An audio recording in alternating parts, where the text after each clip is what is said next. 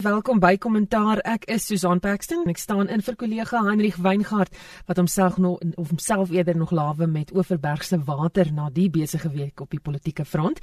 En om daar te praat is my gaste vanaand Dr. Joansi van Wyk, politieke ontleder van Unisa. Goeienaand Joansi. Goeienaand Susan. Roland Wenwood, politieke ontleder van Universiteit Pretoria. Goeienaand Roland. Goeienaand Susan. En Gert van der Westhuizen, hy is die stemmeredakteur by Netwerk 24. Goeienaand Gert. Goeienaand Susan. Nou ja, tyds min kom ons val weg. Oud-president Jacob Zuma het die nuus die hele week oorheers. Eerstens die ontmoeting tussen hom en die leier van die EFF, Julius Malema, wat almal aan die wonder het. En Joansi, kom ons begin dalk by jou. Was dit regtig in landsbelang soos wat Malema beweer het of moet politieke leiers in die arena nou op en wakker wees vir dit wat mag uitbroei? Ja, dit is maar altyd in landsbelang ehm um, wanneer politieke leiers buite die regering met mekaar gesels, veral dan onder hierdie omstandighede. Ons weet lentheid soos wat hulle dan nou voorgee op Twitter et cetera nie.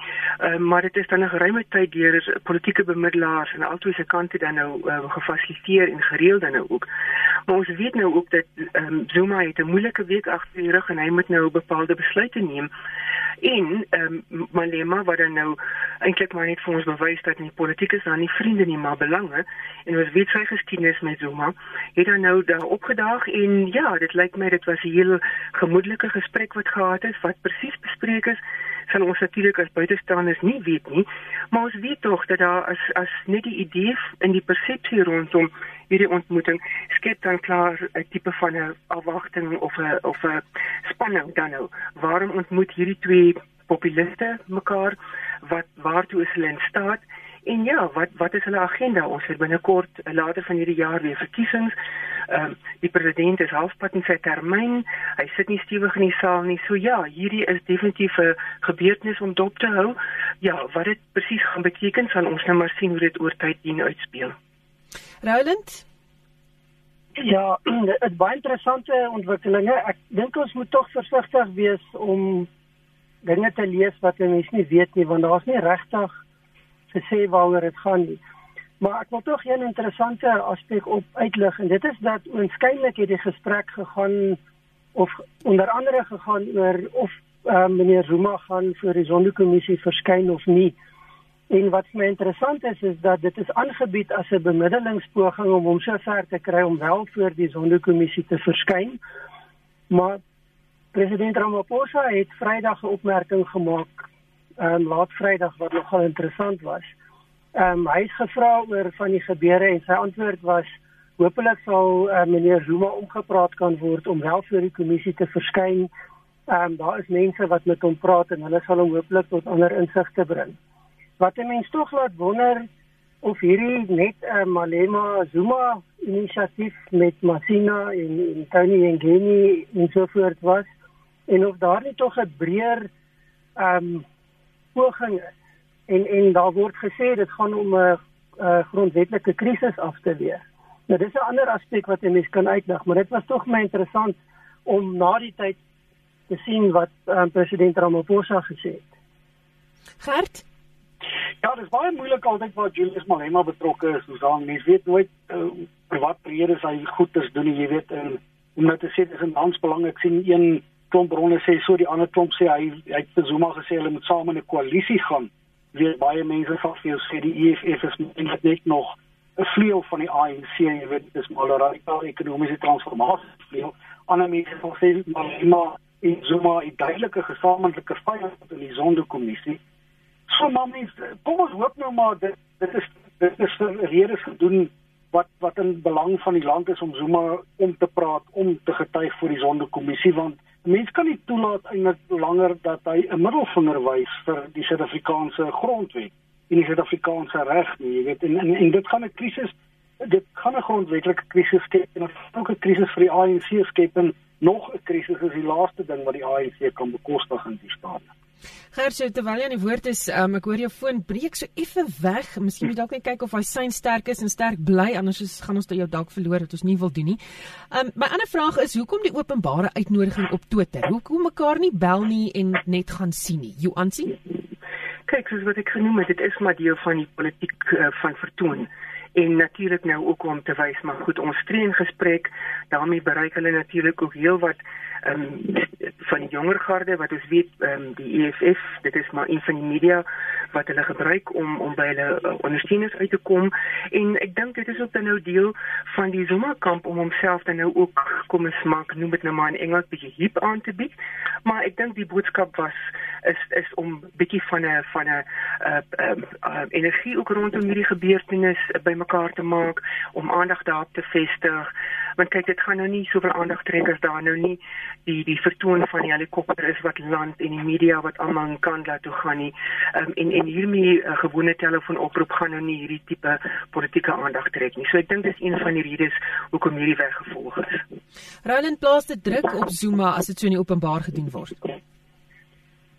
Ek weet nie of dit op die stadium druk op hom plaas nie, maar ek dink deel van die feit dat dit so ek het dit net vroeër gebruik amper 'n spektakel wat 'n mens moet waarneem is omdat dit dan die ding oopmaak.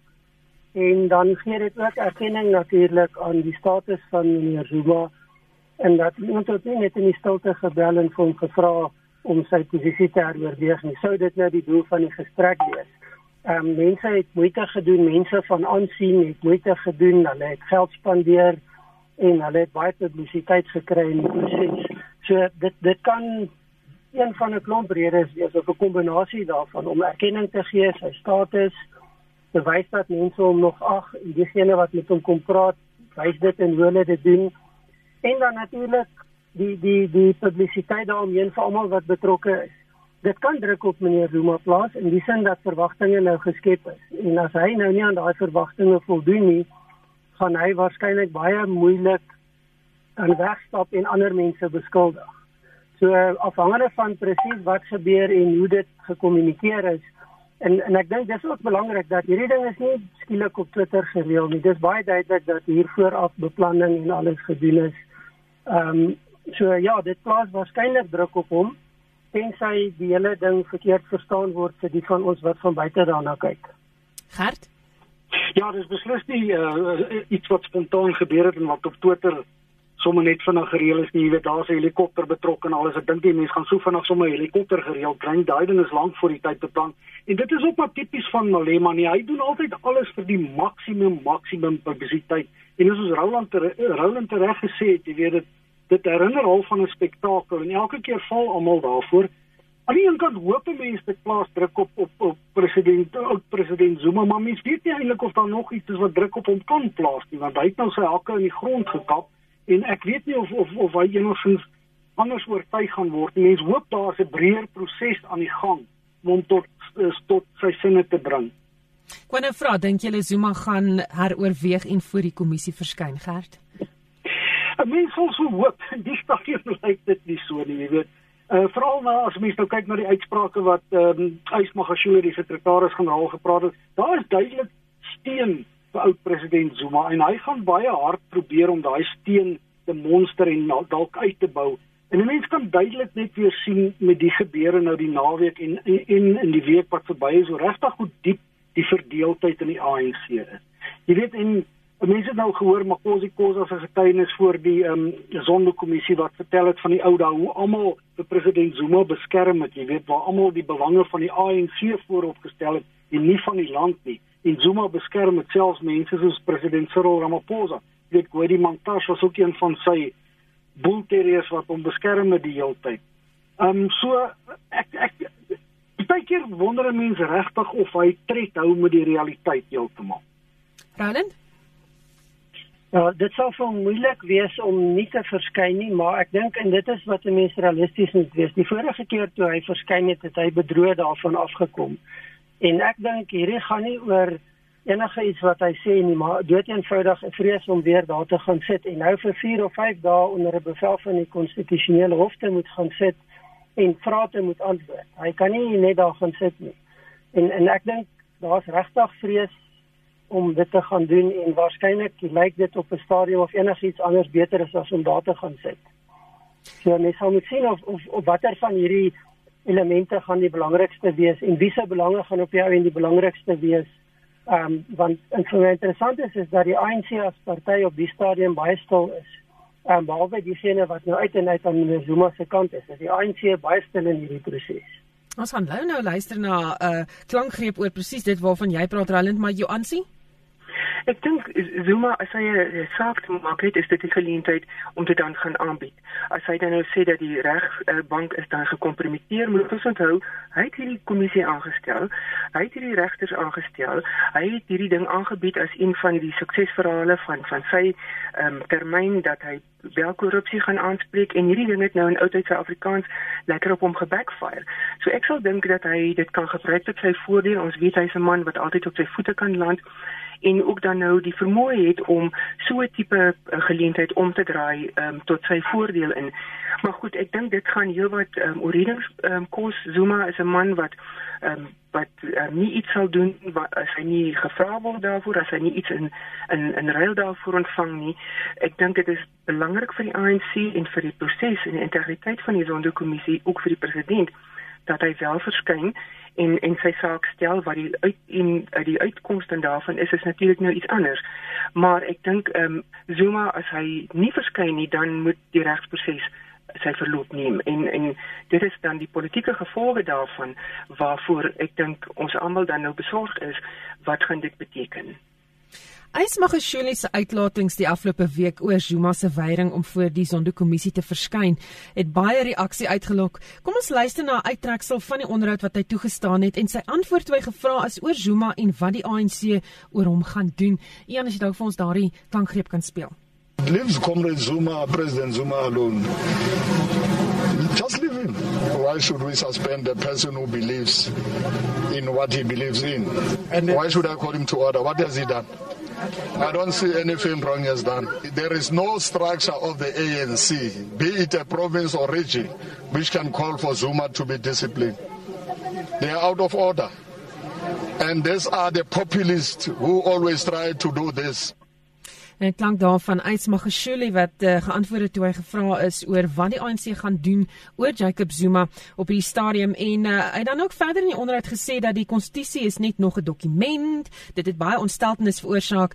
Julle interpretasie van daardie onderhoud en die feit dat hy enigstens die media te woord gestaan het op daardie stadium. Miskien kan jou aansie vir ons begin. Ja, ehm um, Magashule weet ons is baie nou uh, by by Zuma betrokke. Hy self is 'n man wat polities Teflon is dat hy homself voor die party se gesag hy staan nou op dat hy um, skuldig bevind is en dat hy moet um, voor uh, beter gedagvaar is ekskuus Oh, like vir my ons het vir jou aansie effe daar verloor. Is jy nog daar jou aansie? Ja, ja, kan jy my hoor? Ek hoor vir jou. Kyk gou dat ja. daar die sein net sterk is want jy breek weg. Jy kan dalk vir ons net jou laaste sin herhaal. Goed, kom ek herhaal dit dan net. Um, ons weet dat uh, Magashule is 'n man wat self dan nou ook regsprobleme in die gesig staar. Hy moet dan nou ook um, sy sy sy vriend beskerm wat hom dikwels onder um, beskerm het en die die verwysing dan nou na die grondwet, die verwysing na die party is natuurlik nou ook dan nou om die media weer verdag te maak om dan nou ook nie aanspreeklikheid te aanvaar um, namens die party nie um, maar hy is 'n belangrike persoon in die party wat wat dan nou moet basies sy hakke inkap Ons weet dan ook dat daar dat hy homself dan nou en so vasstel boek aan die grondwet, boek aan die wet. En dit is natuurlik gevaarlik in terme van ehm um, van ons grondwet en ons die gevolge wat 'n mens moet hê wanneer jy 'n wet oortree. Maar ons weet ook dat die die die verwysing na die grondwet is ook dan nou miskien 'n indirekte verwysing ook na Ramaphosa wat een van die van die onderhandelaars vir die grondwet was. So mense kan ook dit moontlik daarin lees en dan ook dat die binne die die party is daar so groot bewustheid van van dat die party is groter as die staat en die staat se strukture en die staat se se instellings. En dat daar te dusver geen gevolge was vir die wat dit oortree het nie so waarom sal dit dan nou wees? Roland maar daar is groot druk um, jy weet dat die ANC wel moet optree teen Zuma. Ja ongetwyfeld. En en daar's druk binne die ANC en baie druk buite die ANC Ek dink die die opmerking wat wat gemaak word, ehm um, kan 'n mens in 'n baie breë konteks gaan sien. Die die ehm um, getuienis vir die Sonderkommissie hierdie week het baie duidelik gewys dat dit was praktyk in die tydperk van president Zuma dat sy belang en die partybelang bo die grondwet, bo die parlement, bo alles gestel is. En daar's definitief 'n uh, klompie mense in die ANC wat gemaklik is met daai benadering. Dit pas hulle en ek dink Makashule praat vanuit daai konteks as hy sy opmerkings maak. Um, ek dink die een ding wat 'n mens nie op die stadium kan gaan sê nie is dat president Ramaphosa daai tipe van argument gaan ondersteun. Histories sy betrokkeheid, maar ook as mens terug gaan kyk sy uitsprake. Um, ons het ook gesien dat daar vanuit die party was daar geen reaksie gewees nie en dis eintlik nogal tekenend. Dis nie te sê dat dit is omdat mense dit ondersteun nie. Dis waarskynlik 'n aanduiding van hoe die ehm um, gesindhede is en dalk die wete dat dit nie iets is wat jy nou nie openbaar moet doen nie want dit gaan die aandag aflei en 'n klomp ander probleme skep. Ehm um, ek is bewus van een van die veterane van die ANC wat 'n baie sterk verklaring uitgereik het in in teenstelling of teenreaksie en gesê dit is onaanvaarbaar en hoekom die ANC leierskap nie optree en iets sê hier nie. So dit is maar aanduidend van die probleem. Ehm um, en en ek dink nie dis iets nuut nie.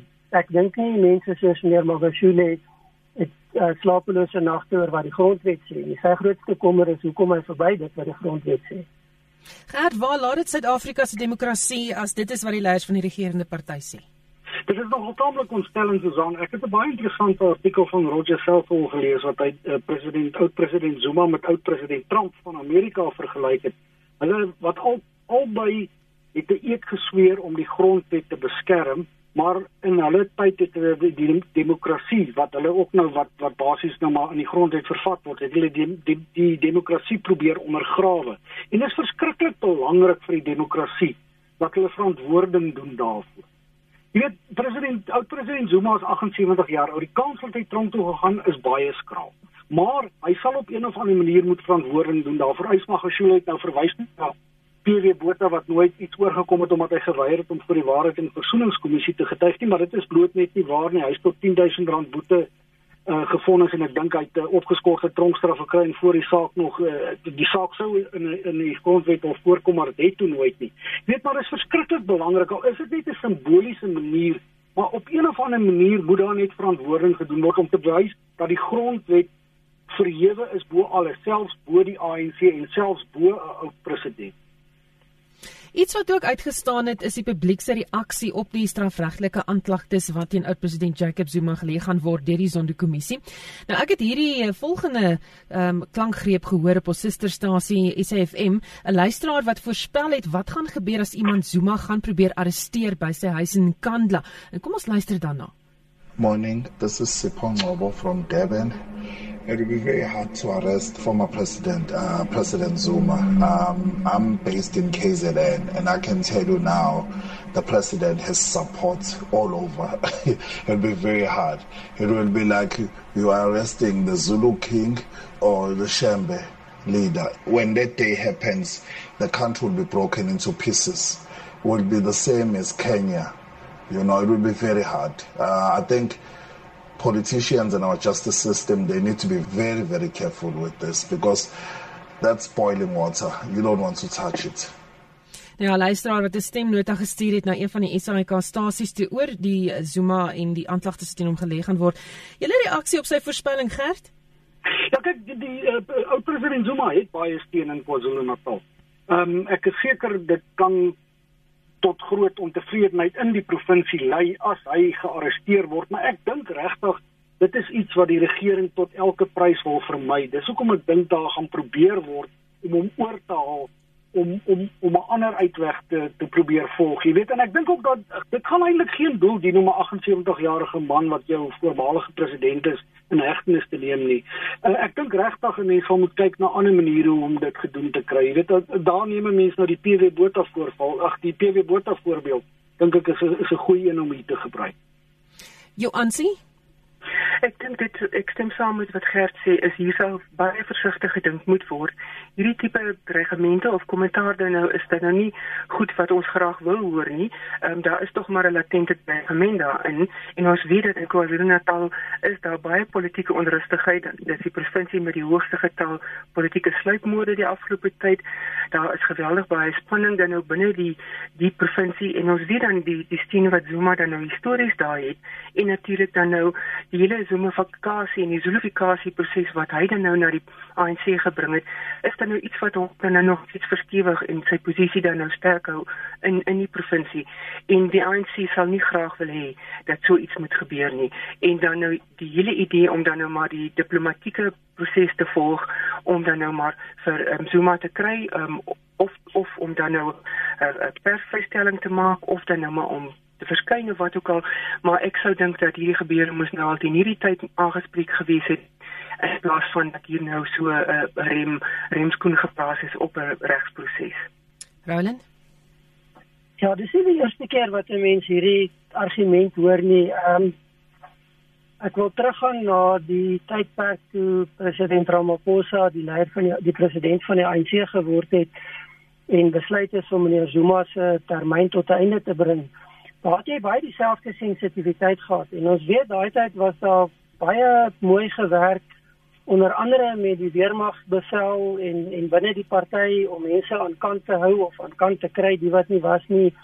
En op die einde het dit heeltemal glad verloop en en die proses het uitgespeel ten spyte van die Zuma se dreigemente en sy uitlatings wat hy gemaak het in media onderhoude die, die persverklaring wat hy gemaak het ehm um, die dag toe hy die amp ontruim het as president van Suid-Afrika. So hierdie is moontlik 'n riskante sensitiewe saak, maar daar's maniere om dit te hanteer. Ehm um, ek dink wat nie toegelaat kan word nie is dat daai gedagte of dreigement gebruik kan word om 'n regsproses, 'n parlementêre proses 'n proses wat deur die konstitusionele hof en en en wetgewing gedryf word, net eenvoudig te stop omdat iemand 'n dreigement maak van wie gaan ek nou moeilikheid veroorsaak of of mense wat naam so 'n persoon is. So dit sal goed bestuur en bereken moet word en natuurlik is dit nie die ideale situasie nie, dis ook nie die beste situasie nie. Maar ek dink nie jy kan toelaat dat 'n hele land gijslaer gehou word nie en die persoon wat dit die minste kan bekostig is president Ramaphosa. So hy en diegene wat hom van advies bedien en, en naby aan hom is, sal waarskynlik baie versigtig hierna kyk en sover as moontlik gaan om te probeer om so 'n situasie te verhoed. Ehm um, dit kan natuurlik ook wees dat dit maar deel van die spel is om die gemoedere op te jaag en te kyk wie kan die die voordeligste ooreenkoms bereik tot tyd tot en met die dag van die verskyning voor die sondekommissie. In ander nuus die week die bevindinge oor die persoonlike beskermde dragtender bedrog wat nou oopgevlek word. Ten spyte van Ramaphosa wat hard praat oor korrupsie, gaan mense dan nou steeds voort om te steel. Die ondersoek is nog nie klaar nie en daar gaan nog korrupsie aan die lig kom met hulle gesê tydens daai perskonferensie Vrydag. En Brouwen terwyl jy in die woord is, jou reaksie op die gebeure? Ja, ek dink ons almal is bewus daarvan, um, maar weer eens net dit is skokkend om te dink dat daar mense is wat in hoofsaaklik in diens van die regering lyk dit my sien daar 'n syfer van meer as 6000 regeringsamptenare wat genoem word wat ehm um, die sogenaamde tersfondse gesteel het. Ehm um, en besig is om dit te steel. Nou dit is dit is die tipe goed wat mense totaal stom slaan dat jy in so 'n kritiese situasie die moeilikheid waarin Suid-Afrika is dat dit jou benadering is. Ehm um, die feit dat dit nog aangaan sê vir 'n mens net dat die die die vertroue wat hierdie mense het dat daar niks gaan gebeur nie. En ek dink dit is die onderliggende boodskap wat ons eintlik vanaand nog deeltyd oor praat. Ten spyte van alles wat gebeur het, ten spyte van alles wat ons weet van al die bewyse wat daar is, het daar nog niks werklik gebeur nie. En en dit is waarom dit dood eenvoudig aangaan, want daar's nie 'n bewys dat iets met jou gaan gebeur wat nie in jou eie belang is nie. Gert Ja, ek stem saam met Roland. Jy weet daar's 'n totale straffeloosheid. Mense doen eenvoudig net wat hulle wil. Jy weet, ek dink dit het baie mense geskok verlede jaar toe die eerste beweringe van bedrog rakende hierdie persoonlike beskermde toerusting aan die lig gekom het. Jy weet dat mense so waar as wragtig min slaan uit 'n situasie soos die waarin ons nou is waar daar waar jy met 'n pandemie sit. Jy weet en en en, en dit is regtig, ek weet nie hoe laag kan 'n mens regtig nog daal nie, maar jy weet dit is omdat die mense sien nie dat iemand gestraf word nie. Dis die groot groot probleem wat ons het. Jy weet daar's in Engels daai mooi spreekwoord justice must be seen to be done, maar dit gebeur nie op die oomblik in Suid-Afrika nie. En tot tyd en wyl dit nie gebeur nie, dink ek gaan ons al hoe meer van hierdie goeie skry en gaan mense net eenvoudig nie bang wees om korrupsie te pleeg. Johansie Ja, as jy mens kyk na die verslag van die ouditeur-generaal om die waarheid te sê, die twee verslae wat uitgereik is, wat hy nou sê dit is nie die omvang in terme van die die bedrag geld en die hoeveelhede um, staatsamptenare en maatskappye wat betrokke is nie, maar ook dat daar net nêrens uh, prosesse gevolg is, tenders prosesse gevolg is nie, geen ordentlike boekhouding wat gedoen is nie, die goed het nie uitgekom waarmee dit moes uitgekom word nie en wat die verslag eintlik dan is is dat hierdie is 'n is 'n regeringswye probleem wat voor hierdie proses um, gebeur het en dan nou klaar blyk dan nou nog aangaan. Ehm um, en wat dan nou eintlik maar die groot lekkasie is wat wat hierdie hierdie ehm um, geld wat nou vir hierdie proses bestem is, ehm um, dan nou net laat laat loop. Maar ons weet dat daar min of meer 100 plus persone dan nou al aangekla is deur die uh, spesiale ondersoekeenheid wat hulle tentakels daarop het, maar dit is lae tot medium profiel persone. Dis nie die die die groot manne wat daarbey betrokke is nie in die um, die die invloedryke mense wat daarbey betrokke is nie. En die punt is dit raak nou 'n punt wat dit nie meer 'n vingerwysing na die party is nie, maar ons president raak nou ons liability om dit in Engels te stel want hy tree nie op nie. Maar nou as jy mens kyk na die ANC se grondwet dan nou spesifiek dan artikel 16 wat sê is dat die president van die ANC sal onder die volle supervisie van die nasionale uitvoerende komitee optree. En ek dink dit is waar een van ons probleme lê is is Cyril Ramaphosa kan nie 'n proses um, dan nou motiveer om aan die gang te kom um, omdat hy dan nou geweldig dan nou gebind word nie net deur sy eie party nie maar ook deur die persoonlikhede in sy party. Maar ja, ons soek regte oudtydse perp walks wat mense in 'n maffia fliek sien, mense in boeye, mense wat in die hof moet gaan verduidelik. En die ander ding is natuurlik ook die die sonderkommissie. Wat gaan die uiteinde van die kommissie wees? Die regter sê dat hy nog tyd wil hê, maar ons weet ook dat hy nie volgingsgesag het nie. En dit is ook iets wat wat miskien dan nou moet na vore kom en ek dink dit is belangrik dan nou hier dat ons ook sal moet kyk na na wat is dan die gevolge hierna.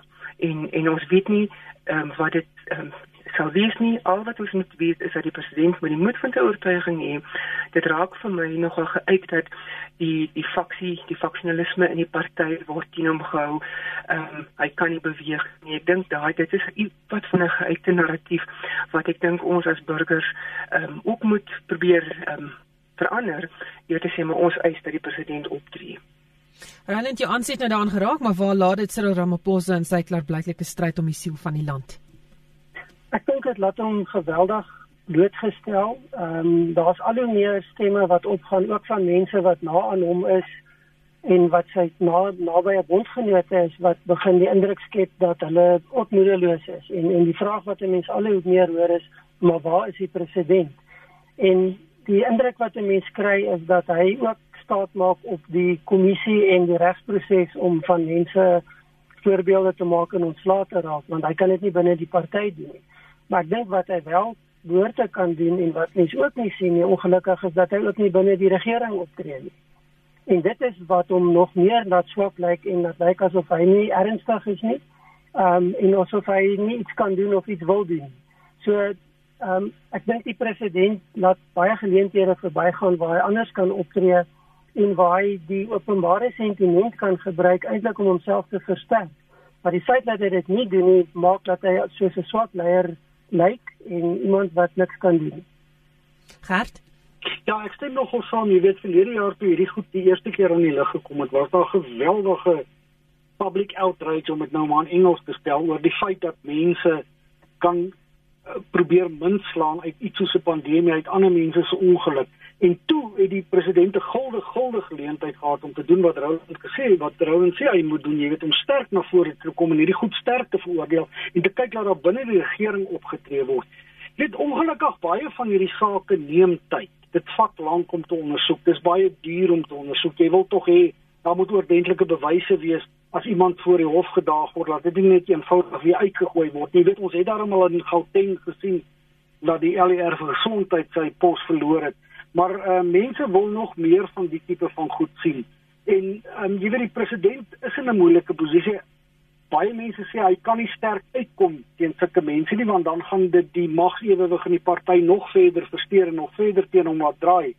En hy is iemand wat hou van die sogenaamde long game. Hy kyk hoe goed is uitspeel. Jy weet, hy wag vir die reg om sy loop te neem. Maar baie mense sal vir jou sê, daar is nie meer tyd vir die reg om sy loop die hele tyd te neem en sulke mense aan te hou in jou regering en in jou party nie.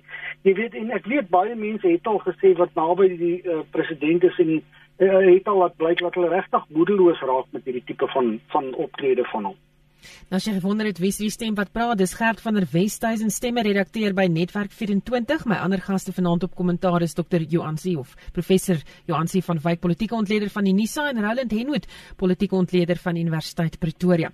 Ek wil ook raak aan die geveg oor die Kubaanse medikasie wat die weermag ingevoer het of as mense nou die DEA gaan glo ingesmokkel het. Die weermag skop vas oor die ondersoek daarna het wil voorkom of 'n hele topstruktuur onder leiding van generaal Shokkie betrokke was en onwettig opgetree het en dit wil voorkom of die genees geneesheer-generaal onder die bus ingestoot word. Dit terwyl hy die besluit teengestaan het. Is hierdie weer 'n waterkloof Gupta landing en sal mense hier dalk sien wie het eintlik agter die onwettighede gestaan sou die waarheid uitkom? Joansi? Ja, ek sal dit nie heeltemal met die Guptas vergelyk nie, maar ja, hier is iets wat nie lekker ruik nie. Ehm um, ons sien dit ook in die ouditeur-generaal se verslag waar hy nou ook sê is dat weet uh, wel tegnies gesproke dan um, medikasie onwettig in die land ingekom met 'n um, SAA vlug dit is nie goedgekeur deur die Suid-Afrikaanse gesondheidsprodukte ehm um, gesag nie. Ehm um, dit is 'n middel wat ehm um, Hiberon interferon um, word genoem wat wat vervaardig is wat dan nou sodanig dan nou uh, dit is die verklaring wat gegee is dan nou as noodmiddel vir die uh, weermag uitgedien uitgedeel sou word. Maar die probleem is net ons sit hierso met 'n met 'n weermag wat ook dan nou heeltemal deel geword het van die staatskaping um, proses. Um, ons sien dat geld het eenvoudig net weggeloop. Daar word gepraat dat die medikasie het dan nou teen 215 miljoen rand um, afgelewer hier by ons in Suid-Afrika. Um, of hierheen gebring dan nou.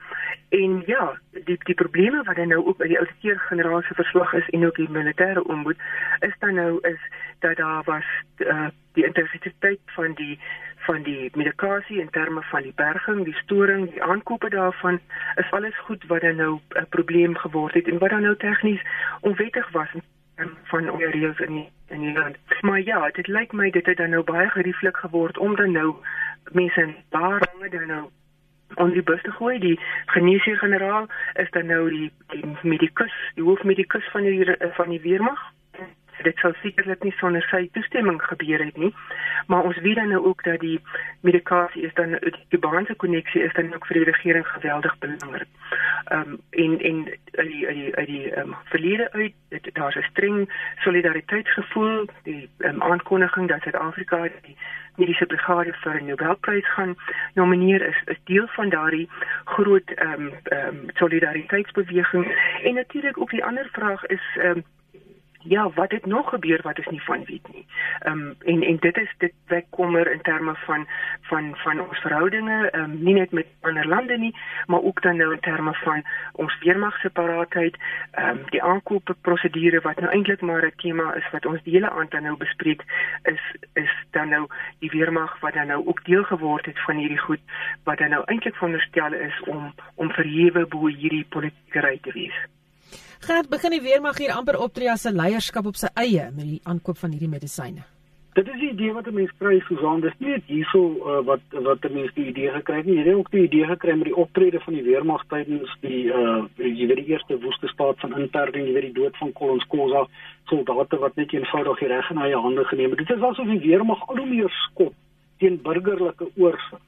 En dis baie belangrik in 'n demokratiese Suid-Afrika, burgerlike oorsig oor die weermag. Jy weet, hier kom jou verhouding tussen jou weermag en jou burgerlike owerheid en jou burgerlike samelewing te sprake. Jy weet die die probleem met die medisyne, dit is 260 miljoen rand het dit gekos. Jy weet dit is dit word gebruik vir die behandeling van onder meer selkanker, maar die groot probleem is is dat dit glad nie in Suid-Afrika vir gebruik geregistreer is. Nou die Suid-Afrikaanse reguleringsowerheid vir gesondheidsprodukte wil daar verslag beslag lê en die weermag weier eenvoudig. Jy weet eintlik eh, moet die die uh, gesondheids uh, sapra moet eintlik hierso uh, kan doen wat hy wat hy moet doen jy weet en die weermag sal moet hom nie eintlik kan keer nie. Jy weet verlede week was daar sprake dat die volke ook daarna wou kyk en hulle ook verwilder is deur die weermag jy weet en, en, en dis regtig kommerwekkend as die weermag so hard skop teen burgerlike oorsig Nou as 'n mens kyk na 'n land soos Myanmar waar daar die week 'n militêre staatsgreep uitgevoer is, moet mens bekommerd wees oor sulke optredes deur 'n weermag, Ryland? Ehm um, ek dink ons moet baie versigtig wees dat 'n mens nie daar 'n direkte parallel na Suid-Afrika toe bring nie. Ek dink die strukture, die prosesse, die hele geskiedenis is anders. Maar daar is 'n paar baie belangrike aspekte wat onderliggend is hieraan. En 'n mens moet weier gaan kyk. Daar is 'n probleem in die weermag met die manier wat leierskap uitgeoefen word, maar ook die manier wat die rol van die weermag deur sy eie leierskap geïnterpreteer word. En dit begin op die politieke vlak. Ehm um, die minister van verdediging was al 'n paar keer in die moeilikheid oor besluite wat sy geneem het, die gebruik van ehm um, breedweg gestel die militêre begroting, vliegtye en so aan. En daar's nog nooit werklik iets daaraan gedoen nie. President Ramaphosa het nou met die laaste insident het hy nou die minister gestraf, ehm um, salaris teruggehou maar maar dis 'n patroon wat oor 'n lang tyd gevestig raak en dit lyk asof daar op die politieke vlak 'n baie groot sensitiwiteit en 'n versigtigheid is by die regering om sekere sake binne die weermag konteks te hanteer op 'n manier wat dit eintlik hanteer moet word. So ek dink dis 'n probleem wat al oor 'n baie lang tyd kom en dis 'n probleem wat in die toekoms indien dit nie hanteer reg hanteer word, nie groter probleme kan skep. Ek dink nie mense moet daarvan wegskram nie. Maar ek dink nie ons is nou al daar nie. Wat wel belangrik is is wat mense hier sien is 'n blaatante oortreding van nie net prosedures nie, maar van wette. En dan die kwessie van as dit dan die die die senior leierskap se besluit was, dan moet daai senior leierskap pas staan want hulle is die verantwoordelike en die rekenpligtige amptenare. En daar is sanksies wat toegepas kan word. Ehm um, en ek dink dit gaan 'n baie belangrike toets wees. Is daar 'n bereidwilligheid om te kyk en daai pad te loop en te sien wat gaan gebeur. En ek bedoel nie daarmee as 'n uitdaging om te kyk of die mense gaan reageer nie. Ek bedoel dit daar in die sin van daar moet 'n dissipline herstel word. Ehm um, ons weet daar groot probleme met dissipline binne die weermag konteks en dit begin op die hoogste vlak. Ehm um, dit is nie op die laagste vlak waar die probleem ontstaan en net daar bestaan nie, dit kom heel van bo af. En 'n ander tema die week president Cyril Ramaphosa die voorsitterskap van die Afrika Unie die week afgehandel. Johan sê, hoe het die jaar as AU voorsitter afgeloop vir hom dink jy?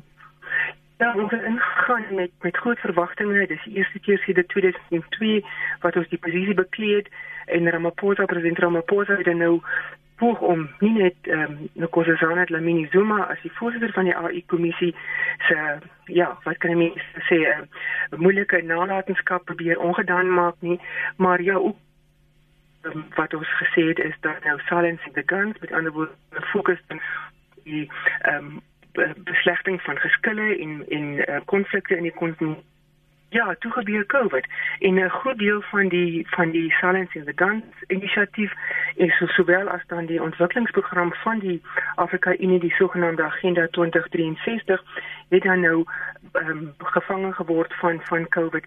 Ek dink van die suksese wat ons miskien kan uitlig is dan nou die Afrika Vryhandelsone wat dan nou in werking tree uh, met 'n Suid-Afrikaner in die hoof daarvan, Wamkele Mene.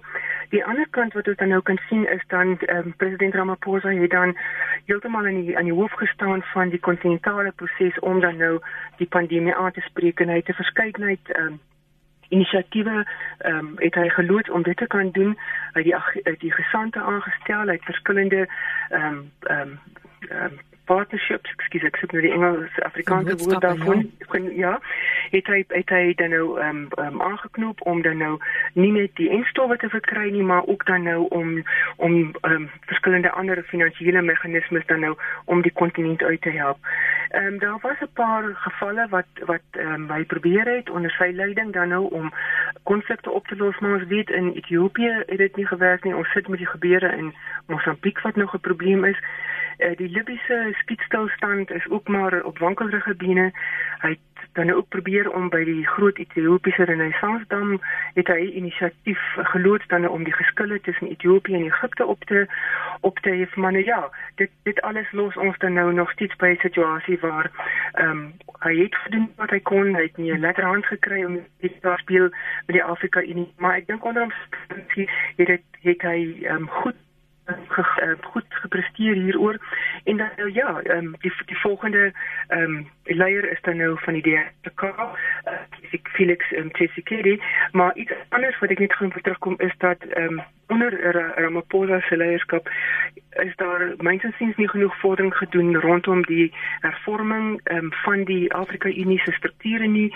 En ons weet dan ook dat president Ramaphosa het by geleentheid meer as een keer het hy genoem dat die finansies van die die Afrika Unie is nie ehm um, so goed soos wat dit moet wees nie dat daar moet befondsing gekry word. En my bekommernis is dat Suid-Afrika natuurlik weer daardie ehm um, die beursie sou oopmaak daarvoor maar wat dit was vir my teken dat die president gesê dat hierdie was 'n geweldige vuurdoopjaar vir hom. Ehm um, maar ek dink onder omstandighede het hy gedoen wat hy kon met beperkte middele. Ehm um, maar ja, dit lyk my hy het effe beter sukses um, op die kontinent gehad as by die huis.